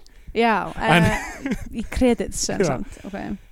Bíódagar, það eru bíódagar, það eru allir svo spenntir. Það eru, Allir að fara í bíó? það eru uh, a- alls konar, það eru cowboys og eitthvað svona dót. Nei, það- Ekki, ekki í byrjuninni, Nei, en ekki í þú veist, það, það eru bíómyndindar sem, Já, já, einmitt. það er, þetta er sem sagt, mynd sem fjallar um það að fara í bíó þegar maður er barn já, uh, sem að ef þið eru ekki komin upp úr sætunum okkar, ykkar núna uh, bara prepare to be amazed eða eitthvað allavega hvað menur þið? ég bara skil ekki ég veit að ég ætti kannski að taka þetta setna þetta en Já. ég bara skil ekki af hverju þessi mynd er svona mærð eins og, eins Já, já, og hún er já, já, við förum yfir það. Já. um, það sem við fókusum á, á strák, það er einhver strákur sem Hann er, er svo að- spenntur Já, hann heitir Tómas Hann heitir Tómas, hann er að fara með mömmu svona pappa Já. á kvikmyndari King of Kings já, sem við fellar um Jésu, sem að er, er það Passion of the Christ þessa tíma? geti verið Að því, að því það er eitthvað svona, er hann nú ekki svolítið ungur til þess að fara að fara þetta? Ég man eftir því, það var svo Já. mikið sport þegar, þegar Passion of the Christ kom út af því þetta var basically bara eitthvað torturporn Já. sem að maður mátti fara á út af því að það var einhvern veginn kristið uh, þannig að það var óslega mikið, það var ekki mikið sport eitthvað svona, er þið búin að fara á Passion of the Christ? Eitthvað, fórst að gráta? Já. Eitthvað, nei, það var bara eitthvað ógislegt Hvað, þú veist, þessi mynd er ekki neitt annað nei, ég hef ekki séð hana en jú, það er það sem ég hef heyrt, þetta er bara torture porn Já. Það er ekkert annað sem Já. gerist í þessari mynd eiginlega uh, frekar, frekar cool depiction af djöflinum reyndar í, í Passion já. Já. en ég meina, þú veist, það eru margar Hver er uppáhaldstjöflin þinn? uh, hmm. það er góð spurning Minn er hérna ég myndi segja Al Pacino í The Devil's Advocate Wah! Wah! Jésús um, Býttu, var það ekki Peter- Eða Hérna, nei, Gary Coleman í Dirty Work Já, ok uh, Hefur þú séð Dirty Work? Eh, Norm MacDonald myndin Nei, Gary Coleman er Já, djöfullin í í, alvöru? í þeirri mynd. wow, það er That's a bold choice Já, það er svona 20 sekundar sena en hún er geggjuð Shit uh, Viggo Mortensen í hérna The Prophecy Mhm. var frekar góður en ég eiginlega var ekki, var það ekki hérna í maður stætti myndinni Konstantín Já, ég sá hann ekki Var ekki- Það- Það er Keanu Reeves er ekki jú, Keanu Reeves, ég er að reyna að muna var ekki Petist og Mare hann Sko- var djöfullin í einhverju mynd og hann var geggja kúl djöfull og svo var Tilda Svindon líka eitthvað tíman, Djöfullin kemur ekki í Dogma en Azrael sem svona dímon leikinn á Jason Lee já, hann var náttúrulega æðislegur uh, Já, og svo náttúrulega mjög eftirminnilega Alanis Morissette Já eh, sem, sem, guð sem guð. Já, sem spoiler fyrir Dogma en ég meina hún er mjög gömul á þessu tímúti Hún já, er svona og líka 18 ára bara gömul. er, er það samt, þú veist Já, já það er það, það að Guð komi fyrir í myndin er kannski ekki eitthvað galið En það er rosalega ironic af hverju, Af Því Alanis Morissette, ironic uh, Allavega, höldum áfram, við erum að tala um bíódaga já um, ok uh, sko, King of Kings Já. þetta myndi mig á einn af mínum uppáhalds Arrested Development bröndurum uh, okay. okay. ég sagði við ættum að tala um bíódaga en já ég fór að og svo tala um- bara fórstu strax yfir eitthvað annað en það er þegar Job er í Írak og hann er að gera eitthvað svona uh, spilagaldra fyrir fólk út á götu í Írak og já, hann segir eitthvað and that is why Jesus was often called the King of Kings og tekur upp spil en þá er það drottning hann er uh, the King of Queens æðislega Allavega. skemmtilegt að heyra þig segja frá bröndurum í öðrum hlutum algjörlega, ég hef búin að gera það nokkur sinnum og ég verð að fara að hætta því já, um, ok, þeir eru búin að horfa á King of Kings uh, við sjáum það er líf og fjör í bakarinum það er svona ok, ég hef aldrei séð götu í Reykjavík svona mikið á lífi Já, ég, mér nema að sé fannst einhver eins sérstök og- mér- hátíð í so- svolítið gangi. eins og að það hefur kannski verið eitthvað svona þú veist um, eitthvað sett manneskja sem var bara við verðum að fá fleiri börn, við verðum að setja fleiri það verðum fleiri börn fleira fólk að Ég- sippa Já, ég, sjá, það er alltaf, alltaf þegar á okkur verið eitthvað svona busy gata það er alltaf fengur eitthvað stelpur til þess að fara að sippa Já, eða já. í snúsnú eða eitthvað, eitthvað svona blása tekur, sápukúlur Já, með tekur upp gett mikið pláss í rammanum og svona þú veist, kannski, já blæs þetta upp einhvern veginn en hver er þarna nema Jói Grínari Já, sem var Sem við höfum- líka í, í hvað mynd var hann eftir sem við vorum að tala um uh, var hann hann var í Já, hann var í hérna á köldum á klaka Kaldum Klaka sem er líka Friðrik Þór Já, uh, hann leikur þarna Óla Úlvalda sem börnin eru að gera grínað já, fyrir að vera með krippu og það kemur lauruglumæður og stoppar bættin og er eitthvað svona, láti, láti hann fe- vera, er allt í lagi, Óli minn Já, einmitt. Eitthvað. Va- Sko, börnin í þessari mynd eru þau eru hive mind þau, hegða sér já, öll þau eru saman hive mind og þau eru líka ógisla vond og ljót já, þau eru mjög vond uh, það er ein, ein, ein fjölskylda sem er með sjónvarp, sem er með kannasjónvarp Já. öll börnin koma til að horfa á sjónvarpið og halla sér á rúðuna og til að horfa á sjónvarpið í gegnum glu- gluggan og bara, Rúðan já, bara þyngd barnana á rúðunni, brýtur hana og alveg fáralegt pappin er eitthvað eh, nei, eh, pappin eða mamman er eitthvað þú veist, já, við ver- við verðum að láta þau borga fyrir tvöfaldglir, þetta verður einfaldglir Já. börnin eru spennt fyrir bíómyndum og sjónvarpi Já, það, það, ég meina það er basically ok, ég, ski, ok, ég verð, ég verð bara, ég get ekki ég get ekki talað um þessu mynd nema að tala um það að það var eitthvað sem ákvað bara ok, nú ætlum við að gera heila bíómynd um það að börn hafi gaman að horfa á sjónvarpa bíómyndir Já, um, það, sko, það er náttúrulega eiginlega, það er mjög veikt eitthvað svona central konflikt í þessari mynd. Það er eiginlega Já, ekkert það er- í gangi. það er ekkert Það að er gera ekkert plott. þetta er náttúrulega bara eins og aðrar coming of age myndir sem Já. við höfum horta eins og punktu punktu koma strik Já. og Jónóttur Jónbjörni er ekkert mikið að gerast Nei. þetta eru bara eitthvað svona lillar vinnjættur eða eitthvað svona þú veist, og, Þarna var nú aldrei þessi fyndin karakter sem ég man eftir úr minni æsku. já, Skulum setja hann þarna einmitt, inn. sem að þú veist kannski fleiri mun eftir Já, og eitthvað svona þú veist og þú veist eins og þarna þegar þegar dátin hérna skýtur úr já, byssunni já. eitthvað svona Þetta er örugglega eitthvað sem hefur gerst. Já, þ- það er alltaf gerðist mjög sorglegur atbyrð, það var einhver sem, sagt sem að er kannski eitt að fáum svona döðdum í rauninni í, í hérna á meðan að hersetunni stóð sem að var, það var einhver uh, bandarskur hermaður sem var frekar veikur að geða sem skaut einhver dreng Já, fyrir að sita á bílhútur hans já bara þetta, í hausinn, þetta er örugglega bara vísun í það. mögulega Það er sem sagt dáti sem uh, öll börnin s- svona hópast í kringum hann, hann er búin að vera að sofa hjá Hann er búinn að íslenski vera að konu. boinga. og þau hrópa uh, eitthvað ú- eitthvað út og inn nei, hvernig er þetta I, út, inn, inn, inn, út, út, út, út, hvað, uh, út og inn þetta gerir pappi þinn með tíu tonna titling inn og hann Ugh. snappar og bara skýtur upp byssu upp í loftið samt skilur hann örugglega ekki hvað það er að segja Já, og að því, að- nei, samt, það eru eitthvað svona 30 börn að bara einmitt, sko. að umkringja hann sv- swarma, af því þetta er- af því þau eru hive mind Já, þeir eru bara eitthvað svona swarma eitthvað prey hérna, já Og- Herði, við, ok, við og- skautum, já, já. skautum yfir eitt sem að klá, klárum bara þetta, þetta að hann er síðan rekin úr landi fyrir þetta atvik já, einmitt og konan er rosalega brjálið út í já, þetta er svo mikið eitthvað svona einmitt eitthvað svona eh, þú veist, Já. karakterinir eitthvað, þú veist, Siggi Sigjóns er, Þetta var nú er aldil- kommin ha, og, já, Siggi Sigurðsson er kominn og Latti er hérna, hann er alltaf með Sko, eitthvað gós hann er- frá hernámsliðinu hann nei, er það, alltaf með er, það er ekki Latti það er eitthvað annar gæði sem er með, með hérna, já, eh, jú, sem er hérna smiglarinn já, en Latti er með eitthvað já, þú veist, þegar eitthvað þið fara að gós, já, slást frá hernam já, já, já, frá, frá, En Latti er líka svona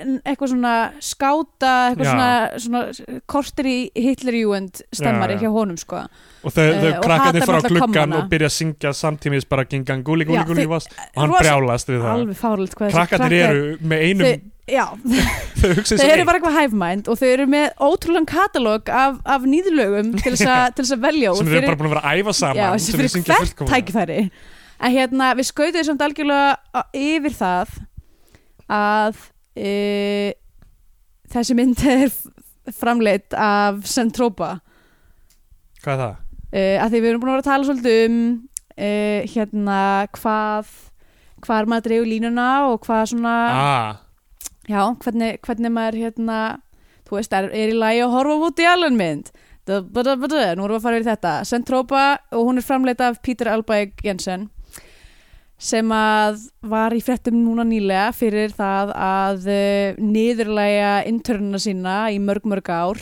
Ó, nei. Eh, neyða þau til þess að fara úr fötunum í staffapartíum og eitthvað svona mæla hversu síð kinnfarahárin þeirra eru og þú Ugh. veist grípa í brjóst og rassa og, og hérna og, Þetta- þetta- og einhvern veginn, ok, þetta var, þetta var mjög skrítið ég var að lesa, lesa þessa frétt mæla hversu síð kynfa í hvernig finnst- staffapartíum sko. hversu mikil vinna fór bara í þetta að er sem sagt hugsa um þetta fyrirtæki hans- koncept þetta er fyrirtæki sem Lars von Trier vinnur alltaf með já, já, ok uh, já, já, ok, þess vegna kannast maður við nafnið Já, og hérna sem sagt, og, ein, og þetta var svo skrítin lista, eitthvað svona, ég þú veist nokkru starfsmenn sem að koma fram og voru eitthvað svona, ég myndi aldrei mæla með því að vinna þarna Ah, og bara eitthvað já, þú veist, þess, þessi kultur af niðurlægingu og, og hérna eitthvað svona kynferðslegum undir tónu með bara algjörlega sikk og svo var sérst svona listi yfir svona hluti sem að fólk var að lýsa og inn í miðjum þessum lista var eitthvað svona uh, sem sagt starfsnemar voru stundum neittir til þess að bólusetja svín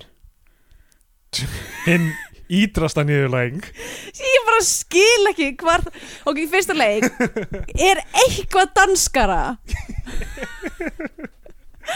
og svo veist, og hvar passar þetta inn í allt hitt ég bara skil mér vel bara svona, ok, viltu ekki láta káfaður á vinnustæðinu það er búið að mæla þér skapahórin eitthvað neyðast til þess að fara úr Ekki fara fötum hann. í staffapartíi og eitthvað svona það meika mjög mikið sens bólusetja svín, ok, líka hvar passar það inn í bara heiminn já, hvað, hvers konar, hvers konar heysing er það? Eitthvað, nú ætlum við að fá það til þess að bólusetja þetta svín hérna. já, já. Allavega uh, og þessi gæi yðrast einskis.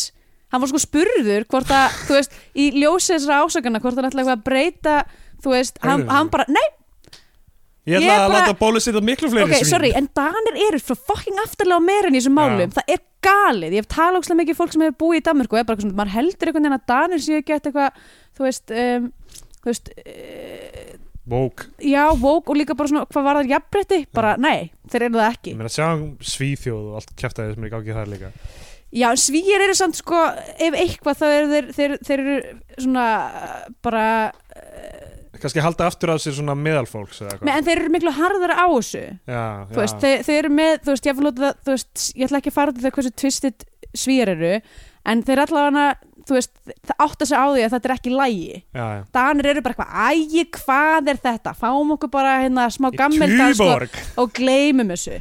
Þú veist, þeir meiri drull sko. já, já. Allavegana, uh, þetta er sérst framlegandi myndarinnar Já, þetta er eitthvað sem má meta áður en maður horfir á bíódaga Já En ég menna samt sko, af því þú veist Ok, sorry, en þetta er bara fucking uh, Hérna, þú veist Good old boys club Já, já. Sjómla stemmingin sko Já, þetta Þú veist, er ef þú náttúrulega- skoðar hverjir eru að framleysa mynd Þetta er bara, þetta er bara kattalinn, þetta er bara Já. strákarnir Saman að gera einhverja mynd um, um, um stráka Endurminninga sí, Já. já, um einhverja stráka Basically bara eitthvað að- að hérna, runga sinni baddesku Já. Friðrik Þór náttúrulega hérna, leikur síðan í Lars von Trier mynd direktörun af því heili mitt. E. uh, en uh, ég held að það verði nú almennt ekki sagt um Friðrik Þór að þú veist að Nei, nei. myndinir hans sé eitthvað problematic eða eitthvað og kannski Nei, nei. komum við að því aðeins setna uh, það er eitt, eitt at- atriði þarna sem við erum að sérstaklega að tala um Mm -hmm. en alltaf Sigur Sigur Sigurjóns er alltaf fullur og hann er kominn mhm. og Latti er þarna eitthvað skátagauður Sigur Sigurjóns uh, er er að reyna að ráðast á hann uh, af því að Latti kallar hann eitthvað komma og fjötið eða eitthvað þannig og svo kemur hermaður og eða, þú veist, Latti kýlar hann kallar hann bara í, í jörðina Já. svo kemur hermaður með ko íslensku konu Ég var hann Já, meitt skátan hnút já. og hérna konan reynir að hjálpa hann upp og Sigur Sigurjóns hrópar snertur mig ekki viðbjóðslega kanamellan þín Já, og þarna misti kommunistinn aldeilis mína samhú já, já um, Ég var svo tilbúin til þess að halda Já, með Sigga mig Sigurjón langaði svo mikið að sko. halda með honum þarna. en svo var hann að Ok, okay, eitt samt, eitt af þessum börnum í hæfmændinu Já. var alltaf með eitthvað fána Var það anarkista fáni? Ég Hvað sá var það það sem ekki alveg. fána? En þú veist, þetta var, þú veist, hann, eitt barnið fer niður og telur eitthvað, one, two, three, upp í ten, Já, you win, eitthvað eftir slægin. já, já, Þú veist, þetta á að sína amerísku áhrifin og hvernig samfélagið er að breytast út af þessu öllu saman og það kannan. einmitt Um, ok, svo erum við að tala um litla Hannes Holmstein Gissurusson, Já, í, sem er í skólanum alltaf að drekka eitthvað Pepsi og, og segjast vera frjálsmaður já, og hann, og, Og er ekkert annað en bara ofdegraður uh, Ofdegraður lítið sjálfagerpi og kennarin sem Sorry er- með mig, en Já, og kennarinn sem er Marja Kristjánsdóttir um, skammar hann fyrir þetta og hann segir sem frjálsmaður er það ég sem ræði hvað ég borða og svo í lokin þegar sem sagt, ok, Siggi Sigurjóns uh, er að sína einhver sovjaska áróðursmynd heima á sér, sína öllum krökkunum hana já, hann er með bara einhvern projektor og er að sína hana já svo fer Tómas og opnar inn í herbeggi og þá Mhm. er fullt af sovjaskum agents aðhendunum einhvern skrúfblíjant eða eitthvað með myndavél til að fara út á varnasvæðið og taka mynd af Já, eitthvað af því hann er sérst að búið að stablisa það að hann er að fara í kep keplegöku Já, hann er að fara í keflaugöngur Já, og hann er að hrynja niður eftir það er skiljanlega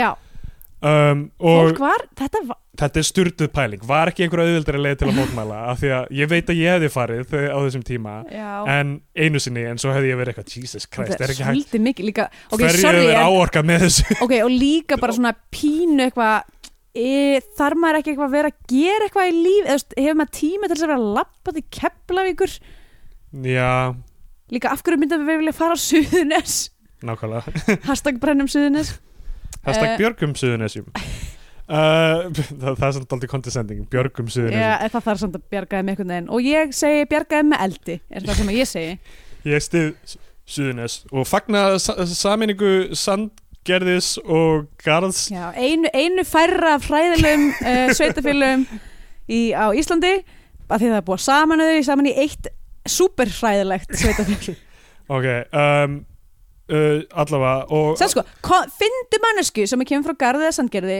sem er tilbúin til þess að tala þú veist, ver, verja þetta skítapleis fyndu þessa mannesku og við getum fengið henni í Otni þáttinn Harðardóttir, þinn komna samfélkingarna og ætlar hún að koma í þáttinn og tala um að mæra suðunni sinn Ok, Otni, ég þurft að hlusta það, Þetta er opið bóð fyrir þig að fljúa til Berlínar Þú mátt ekki vera allan þáttinn Þú mátt koma inn, flytja einræðu um Garð og svo fara Já. Uh, Við sértu skulum kannski velkomin bjóða þér upp á kepa á móti ætli ég komi Jón sem var ólst upp á sand, í Sandgerði ja. og, og Kærasta leifa þín. þér að bara segja leifa honum bara að segja eh, segja þetta út eins og það er Já. að þetta er skítapleis og ætti að brendi gruna Klára með litla Hannes Holmstein er að þegar bú, búið að sem sagt uh, Siggi Sigurðsson á að ta taka þarna þessar myndir en hann skvílar á þessa já, skvílar á já, sovjetgæðinu hann er ekki svona mikill föðurlandsvikari, hann vilji já, er, er pointið og hann fer með það í fréttirnar og þetta er heimsfrétt að, að sovjaskir agentar hafi verið á landinu uh, Eh, og þá koma öll börnin heim til hans í hæðmændinu og Já. fremstur í flokki er litli Hannes Holmstein sem uh, er að sem sagt þakkonum fyrir það að bjóðan bjóðan velkomin, velkomin í, í hóp frjálsra manna sem að er ok, það er með eitthvað fucking little, little shit Já. sem er að mæta með litla slaufu með, og litla vasketakollin sinn eitthvað að, að eitthvað lorta yfir og um, ok, fyrsta lagi, ok, sorry það er alveg hægt að vera kommunisti og ekki föðuransvikar á sama tíma ég finnst samt að eiginlega allir ættu að vera föðurlandsugarar er, það, er það skrítið að segja það? ef við erum náttúrulega í Berlín ég meina, la- hvað eru landamæri? come on, hvað eru landamæri? hvað er landamæri landamæri? höldum áfram uh, nei, bara, þú veist, bara eitthvað bara þótt hann hafi ekki vilja þú veist, að því er náttúrulega sovjetbálni er ekkert eitthvað synonymous við kommunisma sem, sem hugmyndafræði á þessum tíma, jú ég meina á þessum tíma já en, það, en ég held að Siggi Sigjóns hafi verið meiri fræðmaður heldur en einhver svona so sovjet jockey sko já, já, já. Eh, þú veist og bara kannski á móti eh, hérna í rauninni um, hegemóni bandaríkjana yfir heim Já, sem já. að málu líka þú veist rökraðum Að sjálfsögðu. þetta er lægi skilur þetta er bara þú veist ég hefði ef, ef að þessi krakkiði mætt á, að, bara upp á mitt dyrþrepp þá hefði ég fucking kilt hann í smettið sko ég brotið þessi skýta nöllagleira á honum og ég bara gripið í eirað á honum og ég hendur hann út ok, allavega það má ekki bara kýla nasista það má líka kýla börn, börn frjálsingi börn öll Eh. frjálsöki börn eru já uh, er fair allavega, game í mínum bókum ok, það, ok Af því þú má, ok, það að vera með lít að vera með, þú veist, að vera krakki og vera búin að vera en doktorinn þetta badni sitt á þessum aldri bara, hva, þú veist, hvað er að þér? já, já. já, þetta er glata um, allavega, já, glata fyrir þess að skaldsagna personu um, uh, ok, allir svona karakter að fá þess að litlu örk þú veist, eitthvað þú veist, uh, gera eitthvað og fá eitthvað, kannski eitthvað, eitthvað, eitthvað svona magli Já. málugjöld eða hvað það er ok, fóreldrar Tómasar eru Rúrik Haraldsson Mhm. og Dittu og það eru 30 ára milli þeirra Já, hann er náttúrulega alveg gamall, sko já, hann er við dauðanstýrana Ég held fyrst að hann væri afinn, sko og svo í lokin þá deyr hann Já, hann en deyr í lokin myndarinnar það er hann mjög gamall uh, og Greinlega byrjaði seint og við erum ekki ennþá komin út úr borginni hérna og við erum komin aldrei langt inn í þáttinn Já, borgin er bara fyrstu 30 minúnar eða eitthvað um, og uh, sem sagt uh, svo, ok, það er verið að sína rauðhett og úlfin, strá, krakkarnir setja upp bara svona slæt síningu á rauðhett og úlfinum það sem Já. þau bara svona tala yfir og í lokin þegar úlfurinn kemur þá rýfur Óli Úlvaldi Jói Grínari, Mhm. rýfur niður tjaldið og allir krakkarnir verða hrættir var þetta planað eða ekki? Ég held ekki, ég held að hann hef bara hann verið bara ruttist eitthvað inn í húsið og, ég, ég, Það var óljóst sko eða Held voru ka- mögulega átti hann heima þarna að því þið segja eitthvað svona eftir að eitthvað, eitthvað hann á ekki eftir að þóra að koma aftur út í viku eftir þetta þau eiga ekki eftir að koma út þóra að koma út í viku ok. eftir þetta Ó, hélt ég já, ok, Æ, Þú veist, allavega eru, voru strákinni sem þetta plana bara jumpscare, bara fá fullt af bönnum inn láta þau horfa á eitthvað slideshow og þegar uh, ske, með sker í kaplinn þá kemur bara svona jumpscare sem er Já. creepy gammal kall Ég veit það ekki sko ég, ok, ég, já, Óljóst. ringlaður Já, svo er hann að danska amman sem eh, Sem syngur að- eitthvað danslag og er rosa Hvað var það? krútleg Ég og var bara eitthvað, akkur að leifa sér gömlu konu að syngja svona 20% af þessari mynd er bara manneski að syngja lag og Já, allir þegja. einmitt, það eru alveg svona sex senur þar sem að maður fær svona slow trackin já, á, og einhver er að syngja eitthvað hættjörðalag já, og, og já, þetta er allt bara, þú veist, þetta er bara bara helmingurinn af þessa mynd er bara svona slow track inn um einhver, einhver, einhverja dyr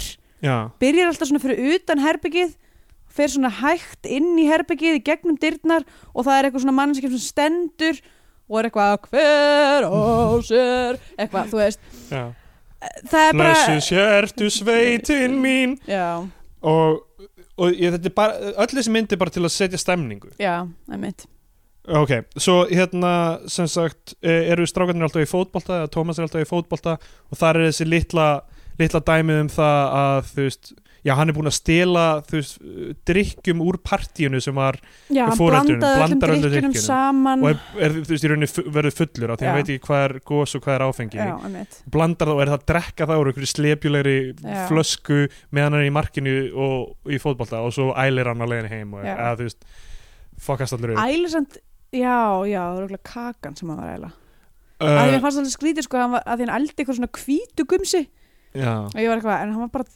drekka þú veist, eitthvað svona brúnt jökk já, já. en hann fekk þarna að því mætti nei, það var ekki Nei, það sama, var ekki sama sena ok, já. þá meikar þessi ægilega ekki neitt sens já, Art direction í þessari mynd fokkaði upp þarna En uh, það ég eins og hefur komið fram áður í þessum þætti er að ég er sérfræðingur í að Já. búa til fake ælu er ekki hægt að nota hjúel bara sem feik ælu? jú, það er alltaf fínt sko, en þá þarftu samt að mitt að vera búin að stabilisa það að mannskinn sé búin að vera fá sér eitthvað svona kveitibassra eða, eitthvað Já. svona, eða bara hjúel í rauninni Um, já, það, það uh, sem sagt og það er bara eitthvað einhver löng fótbolta sína, whatever og svo er sem sagt Maggi Ólafs uh, ma- er, er leikur þjálfaran og hann mætir þarna fullur og skemmir úslitaleik já, mitt, og gefur öllum köku og eitthvað og þetta er bara, þú veist, þetta hefur ekkert með neitt að gera nei þetta er bara eitthvað svona snetti sína það sem einhverjur dómari er búlíðaður fyrir að taka þetta mót alvarlega já.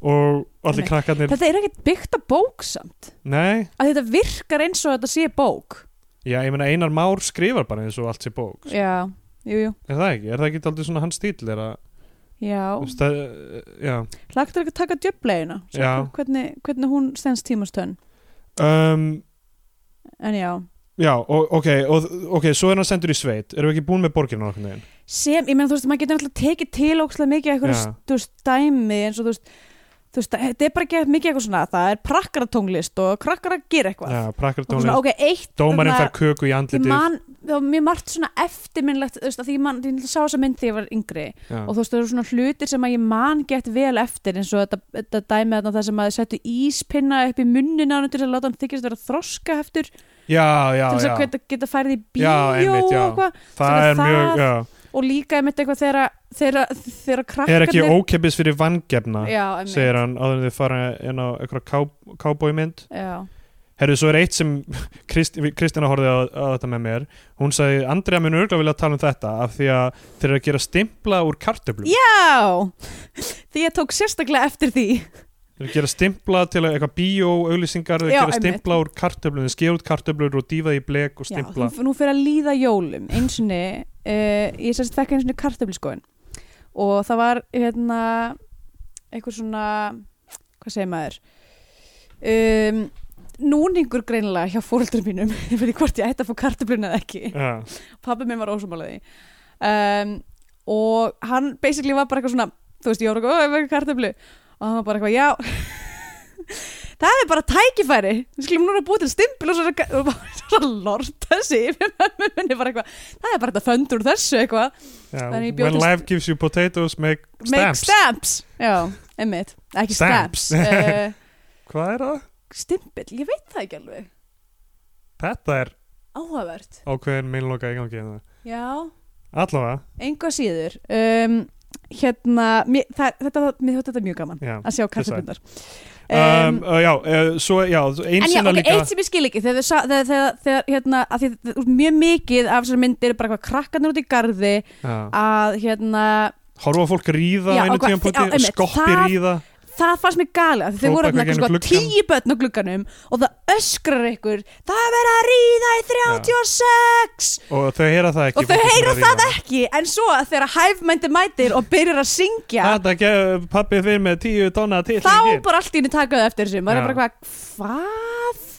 Þetta, er, uh, þetta fannst já, mér skrítið það, já, það er uh, mjög veikt svona cause and effect í mörgum þessum barnasinnum já, einmitt ok, hann er allavega, hann, hann er sendur í sveitina Já, og á þrátt, leiðinni fyrir, þrátt fyrir það að allt í henni mæti fótboltaþjálfarin bara mætir til þeirra veður inn Já. í miðri máltíð, þau eru að borða kvöldmat og hann bara eitthvað svona bara svona stingur höðurinn í eld og svo er eitthvað, hvað er það sem ég heyri að það var senda drengin í sveit eitthvað, Já, Ég get notað hann í ógeðslega- bakaríunum mínu já, eitthvað weird já. stemming þar, allavega, hann er sendur í sveit og, uh, og á það- leiðinni fær hann að fara með Palma Gessinni Mhm. um, og það er rosalega fyndir hann það sem hann er eitthvað já, kettlingar maður, já, ég, ég var farin að fara upp á þær á þínum tíma já, merkilegt hvað það er merkilegt með þær, bara eitthvað, hvað þær er alltaf að ríða mér já, það var eitthvað, já, það, þú veist, þetta er pínu fyndið fyrst mér, það sem hann er eitthvað já, bara ég hitti hérna stelpu eitthvað og hún, hún reif sig úr fötunum og, Já. hann er eitthvað, og hvað gerir þú?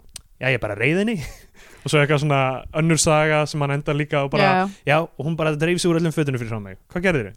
Já, Ég bara gerði reyðinni Og svo stoppaði þér í einhverjum í einmitt, eitthvað skála það sem, Hræðaskála eða eitthvað já, það sem er verið að, uh, þú veist, konan sem hann var að tala um eða, þú veist, kona sem vinnur á þeim stað mm og þá var hann eitthvað, er þetta konan sem þú reyðist eitthvað, og það er rosa vandræðilegt og eitthvað, en þetta Já. er bara eitthvað svona eitt lítill brandari og svo pálmið fann hann á myndinni um, hann kemur hann í, í, í sveit og þarna eru er fólk í sveitinni sem er bróðir uh, pappans Mhm.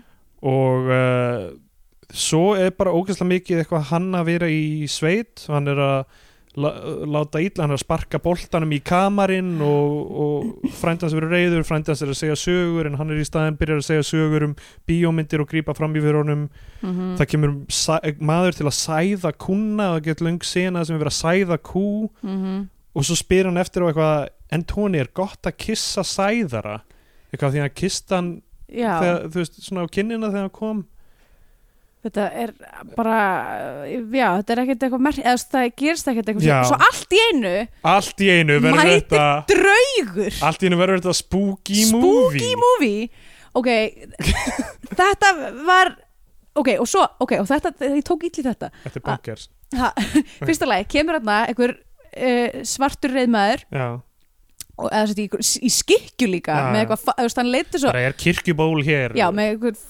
eitthvað svona, svona, svona, svona flámæltur eiginlega, Já. eitthvað svona talaði með skringilega Já, þetta var eins og þetta var í útlendingur eða eitthvað sem Já, var einmitt. látin og, svo, og þau eru bara, já þetta er húnvetningur nei, hættu nú eitthvað svona eins og það sé ykkur útskynning, já þetta er húnvetningur Þetta er hafnfyrðingur maður, hann fer alltaf með stiga út í búð Nei, hvernig er það þetta?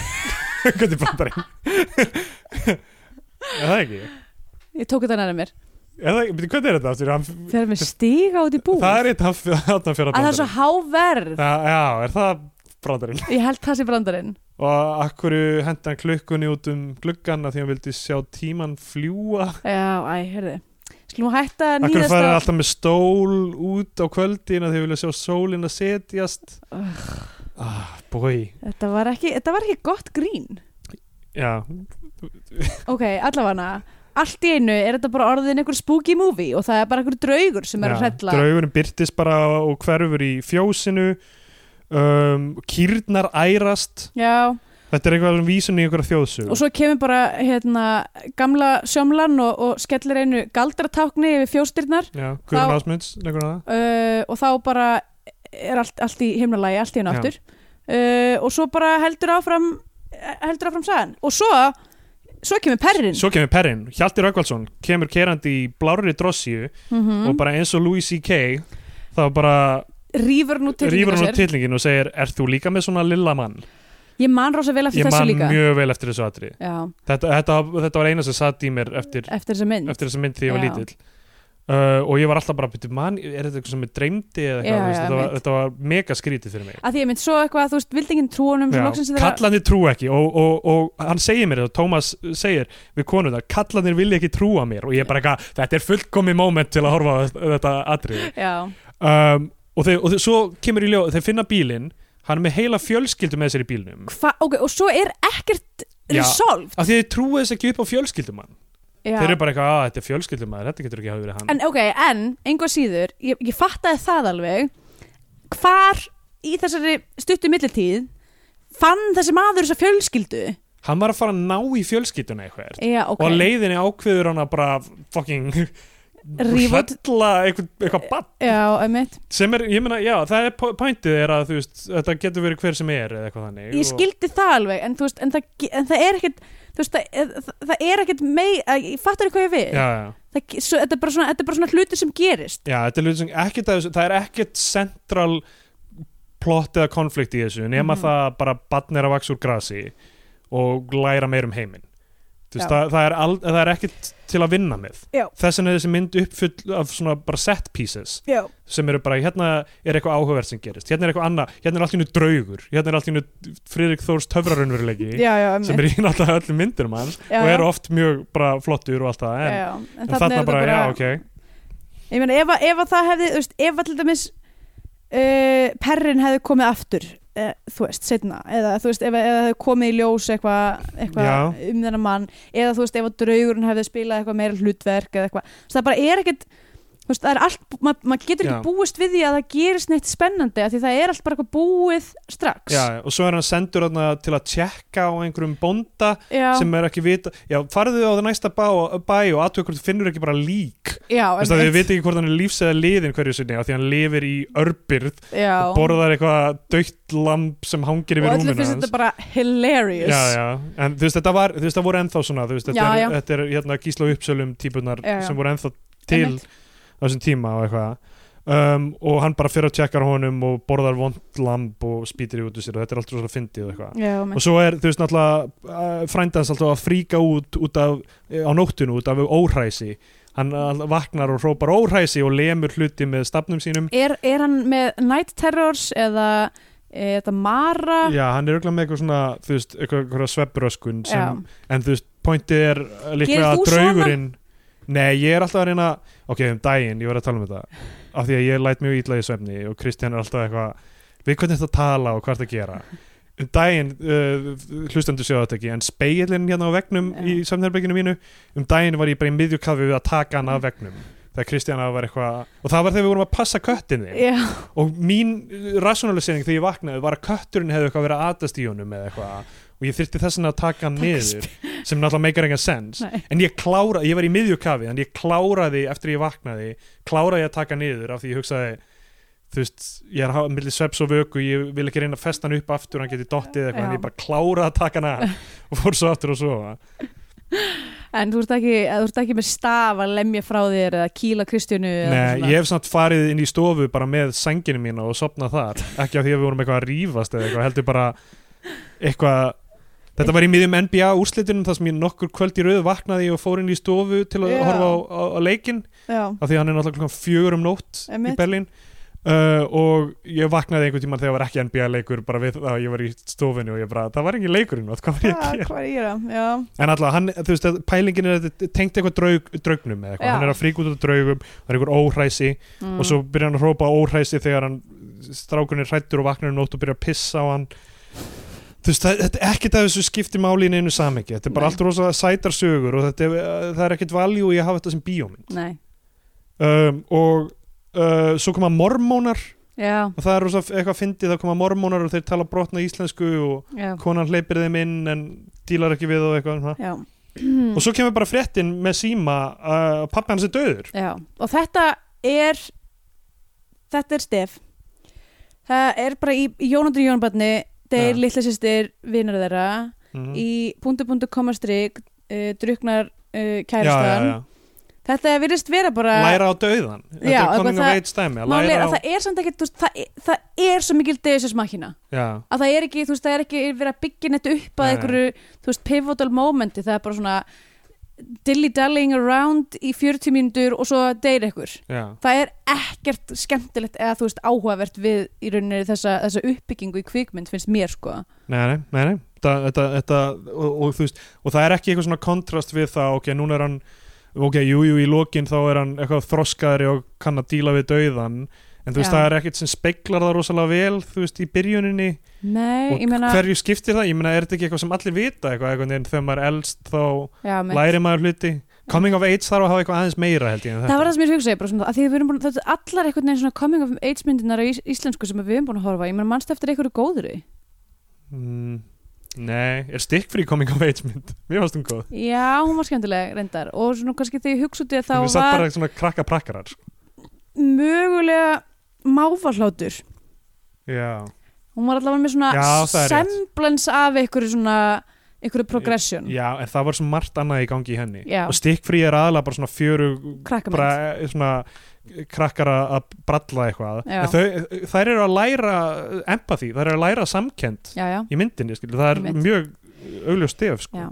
En þetta er ekki, já, þetta er basically, uh, um, að mínu viti, já, bara basically bara hvað pappin deyr, svo er bara geðveikislega langt ferli, þar Já. sem að hann er eitthvað Ógeðslega löng skot af jarðarför Já. bara jarðarför í tíu mínútur eða eitthvað Einmitt. og m- maður sér bara myndina Engin- ströggla við að það að slefa upp í 80 mínútur Já, bara engin díalógur og bara, þetta er bara bróðir hans er orðin aðeins eldri við höfum ekki eins og talað um hann enda, þú veist, er hann, hann gerir ekkert úr svo mikið hann er aðeins, aðeins eldri, byrjar að hlusta á Kings já, og spila á ramaskítar og hvað- um, ammans, hann, er- hann, er- hann er búin að vera að læra dönsku á andrisblöðum og segir eitthvað gisp við hana, því Já, að hann heldur já, þessi mitt. danst orð og, þetta er, já, og svo uh, fara þau, þau einhvern tíman í myndinu fóru þau og sá, sáu frængu hans leika í myndum síðustu daga Hitlers já, þar sem hún er hjúgrunarkona sem afhendir Hitler blásýruna sem Eva Braun draf sinni Já. um, svo í lokmyndarinnar sem er lokasinnan þá fara þau að sjá uh, uh, frænguna aftur í mynd sem heitir The Crawling Hand mhm þetta var alvöru íslensk kona Sirri Steffen já, fætt 1938 uh, Sigriður Gerstóttir uh, var hann fætt sem uh, fyrirandi ungfrú Ísland fór til Hollywood uh, og leik í nokkrum þáttum af The Beverly Hillbillies sem var frekar stór uh, sitcom á sínum tíma ok, og um, leik í spa, einhverju spæjaraserju sem hétt Michael Shane og svo leik hún í, í einhverjum öðrum þáttum og leik í myndin Hitler 1962 þar sem hún er sem sagt, þessi Já. hjúkurunarkona einmitt svo leik hún í The Crawling Hand þannig að þetta er bara alvöru þú veist, já, já, og það, það sem hún er í, í stóru hlutverki og þetta er svona einhver hryllingsmynd já, og uh, hún leik í mynd sem Marlon Brando og David Niven voru í sem heitir Bedtime Story, já mjög lítið og svo uh, löngu setna þá leik hún í Okkar á Migtli í hitt og þunga dagsins 1922, Rapp Gullnason já, mynd sem við hefum eftir að horfa á. ok, þannig að Sirri Steffen já var alvöru kona og, en þú veist, aftur hefur ekkert að gera með annað en að setja stemningu sem Já, var bara já, einmitt. óspennandi það er íslensk frængokkar í bíómynd einmitt, um, og svo er myndin bara búin þannig er að horfa á myndina í pínu meta út af því að basically öll þessi mynd er ókslega mikið eitthvað svona hlutir sem að þú kannast við úr lífinuðinu nema núna í bíómynd Já, nokkurn veginn Og svo er myndin bara búinn, hann er að horfa á skjáinn já, Hann er ennþá, þó hann hafi farið í sveit og heyrt allar þú veist, það mér finnst þess að vera að kontrasta ok, í sveit eru allar þessar sögur og þessi Já, já. sagnamenning og eitthvað svona mm, og bíóið er svona, þú veist, að yfirtaka það og þú veist, það er alltaf meira spennandi og meira aksjón og eitthvað þannig og í lokin er hann bara aftur að horfa á bíó og það er gett gaman og Já. eitthvað þannig einmitt en þú veist, þetta er bara eitthvað að vera að setja þetta hlið við hlið en þú veist, megnið af myndin er sveitin og sákabli er frekar leðilegur mm. um, og, og hægur já, og svo í lokin bara þegar kreditlistin kemur þá kemur bíódagarlægið með uh, Bubba sem var Já. samið sérstaklega fyrir þess að mynd lítur að vera af því að um, textin í því er um myndina Já.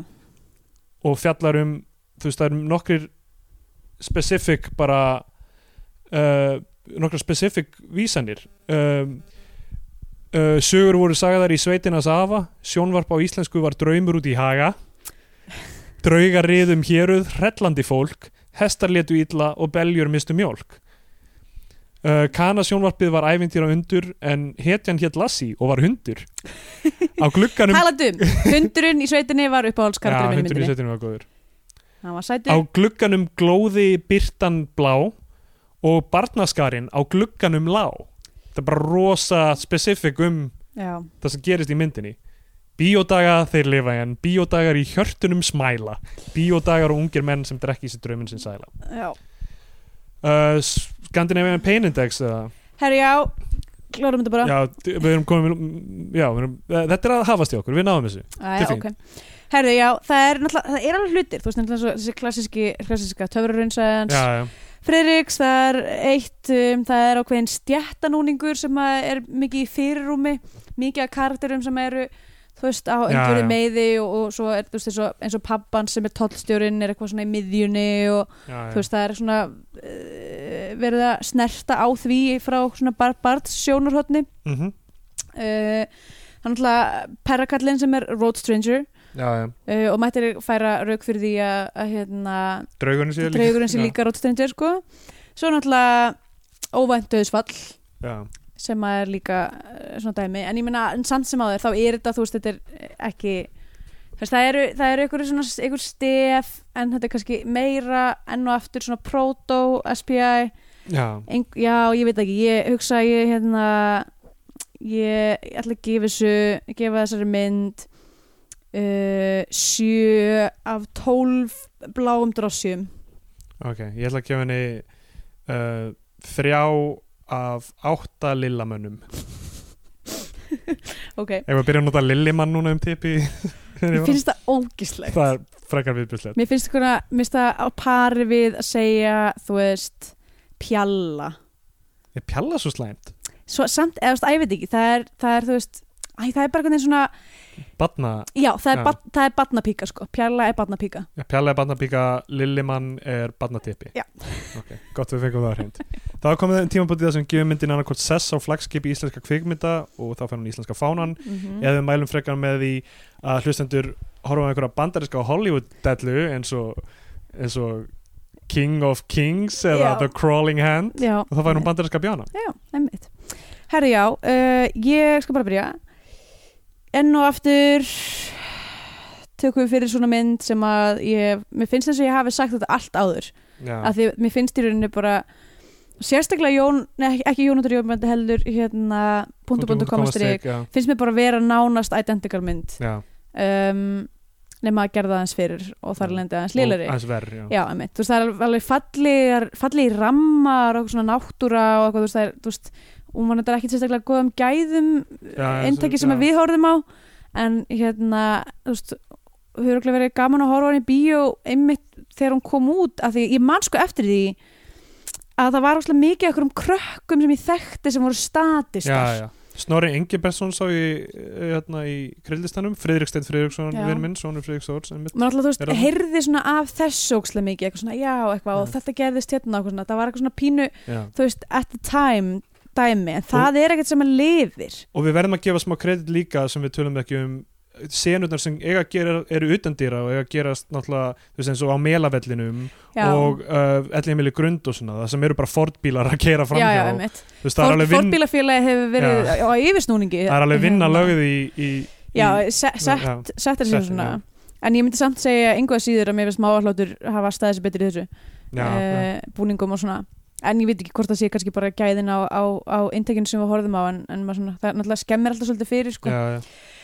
en já, já, ég meina þetta er flott framleiðsla en bara þú, þú veist, það skiptir ekki máli hversu flotta framleiðslu þú ert með ef að, ef að þú veist, beinagrindin er er, er bara mölbrotin mölbrotin já, já, með beinkröm uh, það er bara bein, það er bara helirna beinþinning í þessari beinagrind já, og hún bara er, er, að, er að hérna já, duft basically já, Uh, þannig að ég get ekki gefið þessari mynd íslenska fánan um, og ég, þú veist, nú er, og, nú er ég bara svona að hugsa, þú veist eru, eh, þú veist er mjög flókið að gera góða coming of age mynd Ég held að máli sem, maður má bara ekki sleppa þessu central conflict Þú veist, Já. að, að eitthvað skipti aðal persónuna sérstaklega mikið máli og þú veist, ok, það voru bíómyndir þarna en hvað er aðal persónan Thomas Lilli mm. og ég man ekki, ó, við erum ekki búin að nefna leikaran og nafn uh, en hérna, hvað er hann raunverulega að reyna að gera til að, þú veist, Já, berjast fyrir því að sjá fleiri bíómyndir eða vera, eða, þú veist, þetta er pínu veikt allt já, saman, sko. einmitt Ég, þetta, fyr- fyrir mér þá er ég bara svo að horfa á þetta og ég er bara svona, þetta er bara indulging sko. já, þetta er indulging að hálfu þeirra sem framlega myndina að vera bara eitthvað þú veist, þ- það er, ek, það er ekkert það er enginn búin að drepa neitt darling við gerð þessar myndar nei, nákvæmlega, nákvæmlega Það, já, það var aldrei neitt klift út sem, sem var sniðu hugmynd já, sem var síðan bara Sem hún eitthvað "Ah, passaði að ekki inn í, já. gerir ekki neitt í rauninni fyrir myndina þú veist, að því að í raunar ef að maður svona og þið farið með, með þessa beinagrind að ef, að það væri, kl- ef öll darling var að klift út Já, þá já, væri myndin svona það- 20 mínútur já, ef svo leng sko. já, þannig að um, Örvar Jens Arnarsson leik Thomas þú veist, ég minn hún er vel framleitt hún er ekki illa leik hún er vel leikinn þú veist um, hún voru örugglega flott á sínum tíma og emitt út af, út af öllu þessu svona umtæli þá var hún örugglega þú veist, fannst fólki gaman að sjá hana en bara ég get ekki gefið henni íslensku konuna því mér fannst hún dribleðileg og Já. þú veist, það var ekkert nema bara svona mi- en- endurminningar mínar sem að hafa hort á hana sem badd sem að ég var bara svona býð eftir eitthvað moment myndi gerast sem ég myndi eftir já, úr eskuminni þannig að, Ok. okay. já herru, þá, ég ætla þá að mæla með samt annari mynd uh, að því ég fórum þetta að hugsa bara hvað er ekkert hægt að gera góða coming of age mynd er, er þetta bara kannski, þú veist, út af því það er engin stakes í lífi batna, börn er ekki mennin stakes já, þú veist uh, þau, þau, þau ber enga ábyrð og, og það, er- þú veist, það er ekkert eitthvað mikið sem gerist í lífi batna sem er raunverulega, þú veist, efniviður í eitthvað, eitthvað góða framvindu mhm. Uh, en allavega, ég ætla að mæla með An Education sem að er coming of age mynd með Kari Mulligan og uh, hérna uh, Pítur Sarsgaard uh, sem að gerast á svipum tíma hún er svona 60s, 60s hérna, stemmari og mjög mikil svona stemmingsmynd en samt actually góð Já.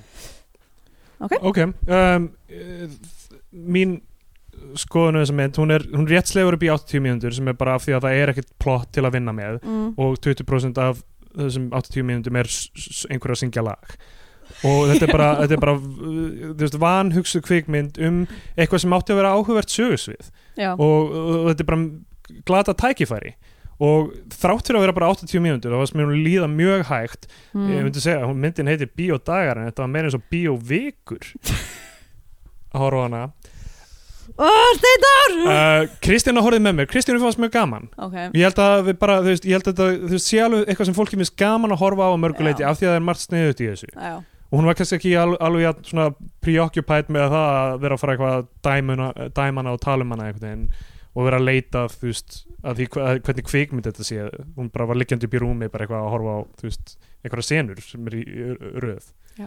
en uh, hérna um, þannig að, og þú veist, það- leikararnir eru margir skemmtilegir Siggi Sigurjóns og Góðuris Lutverki, Jón Sigurbjörnsson sem frændin Guðrún Ásmunds um, og uh, Dittu og Rúrik og all, all, bara allt þetta, þetta er fínt sko en bara Mhm. þetta er ekki beint kvikmynd þetta átti aldrei að vera kvikmynd og, uh, og ef, á skalanum frá uh, Lillamann yfir í tíu tóna titlingin þá er hún miklu nær Lillamann já og hann fær bandarinska bjána frá mér og ég ætla bara að mæla með uh, ég var að segja bara ég veit ekki, Pretty in Pink er það ekki Coming of Age mynd Jú, jú, jú, Pretty in Pink, það er fínt ok Harry Dean Stanton, hvíl í friði uh, þá er komið að lokum þessa alltof langa Já, 50. og annars þáttar Biotíó, já, við þakkum fyrir samfélgin á árinu já og sjáumst hress í næstu viku með það sem við förum yfir e,